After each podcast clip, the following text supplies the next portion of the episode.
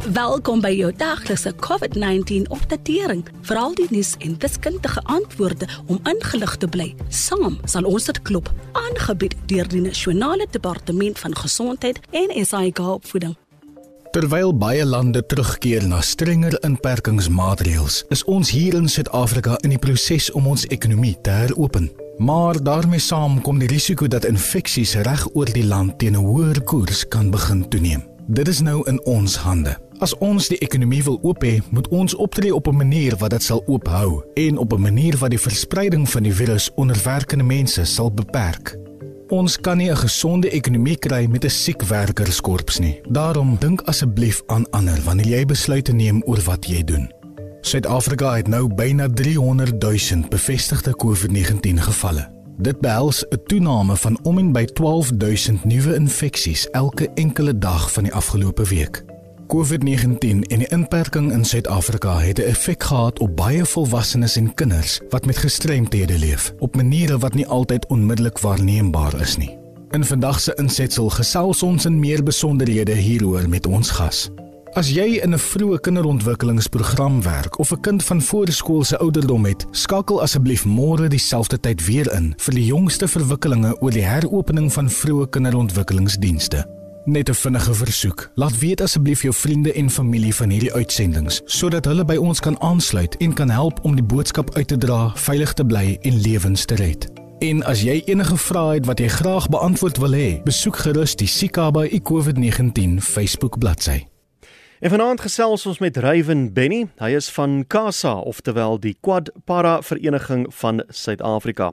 Ryan, hoe beïnvloed die inperking mense met gestremthede?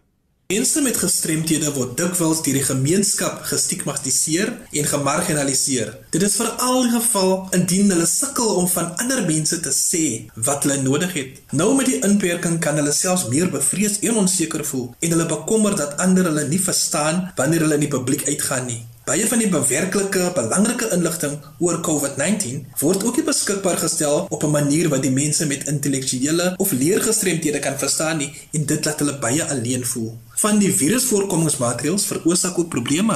Die dra van maskers beteken byvoorbeeld dat mense met gehoorverlies nie meer op liplees en gesigsuitdrukkings gaan staat maak om met ander te kommunikeer nie. Gesigskerms maak kommunikasie 'n bietjie makliker, maar dit is steeds nie ideaal nie, aangesien dit opwasem en omdat direkte lig 'n weerkaatsing veroorsaak. Hoe het skole wat moes toemaak, kinders met gestremthede se lewe verander? Sluiting van skole vir kinders met gestremthede het beteken dat baie leerders se bande met gemeenskap wat hulle verstaan verbreek is en hulle is dus taamlik geïsoleer. Aanlyn leer skep ook probleme. Byvoorbeeld dat klank dikwels verwring is sodat gehoorgestremdes sukkel om te hoor wat hulle opvoeders sê of selfs om na radio-uitsendings soos hierdie te luister. Sonder dinge soos onderskrifte en gebaartaaltolking is dit vir kinders met gestremdhede moeilik om deur afstandonderrig aan te hou leer. Skole probeer hierdie gapings oorbrug deur werkspakkies na hierdie leerders se huise toe te stuur sodat hulle ook met die ondersteuning van hulle versorgingstests kan leer. Hoe kan versorgers aan die gestremde kinders wat hulle moet oppas se bykomende behoeftes voldoen? Ons almal voel angstig, verward en onseker. Dit is selfs erger vir kinders met bykomende behoeftes. Dit plaas weer meer druk op hulle versorgers wat moet toesien dat hulle hele gesin dinge kan hanteer en die inperking kan deursien. Die belangrikste raad wat ons vir daardie versorgers het, is om aan te hou om hulle kinders gerus te stel en seker te maak dat die hele gesin kan die baie veranderinge hanteer wat hierdie pandemie veroorsaak, emosioneel, fisiek en geestelik. SASSA het onlangs aangekondig dat dienste aan gestremdes hierdie maand weer sal begin. Wat verwag julle gaan gebeur?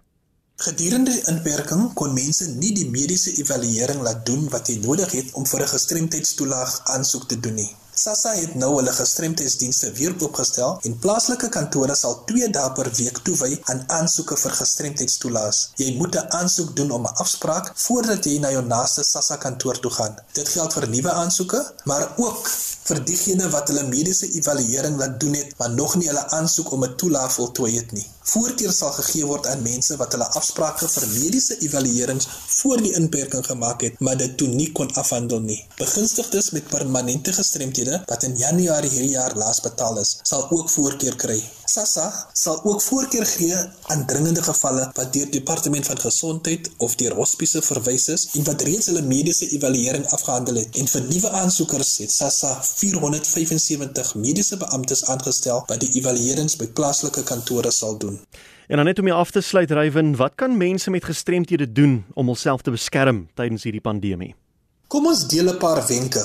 Dra 'n masker en probeer asseblief om waar moontlik oorvol ruimtes en oorvol vervoer te vermy. Hou 'n voorraad van genoeg kos, medikasie en ander noodsaaklikhede vir minstens 2 weke op beslag sodat jy nie te veel kere hoef uit te gaan nie. Waar moontlik, doen jou inkopies aanlyn of per telefoon en vra familie en vriende en versorgers om jou te help. Maak enigiets waaraan jy of ander mense dikwels raak soos rolstoele, witkieries gereeld skoon en disinfekteer dit indien nodig. Beplan dat jou versorging en ondersteuning ondersteuning gedurende die inperking voortgesit word en identifiseer organisasies, hulplyne en mense wat jou kan ondersteun indien nodig. Daar is ook voorstelle op Sikaba COVID-19 se Facebookblad. As jy mense ken wat iemand met gestremthede versorg, skakel met hulle en vra of hulle nog die mas opkom. Ons kan almal in hierdie moeilike tyd aan mekaar vriendskap en besorgdheid toon.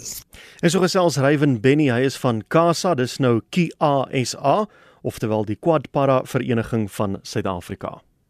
Dankie dat jy geluister het na jou daglikse COVID-19 inligtingstuk aangebied deur die Nasionale Departement van Gesondheid en SAIK opvoeding in samewerking met die Solidariteitsfonds. Wees veilig, bly gesond. Saam sal ons dit klop, Suid-Afrika.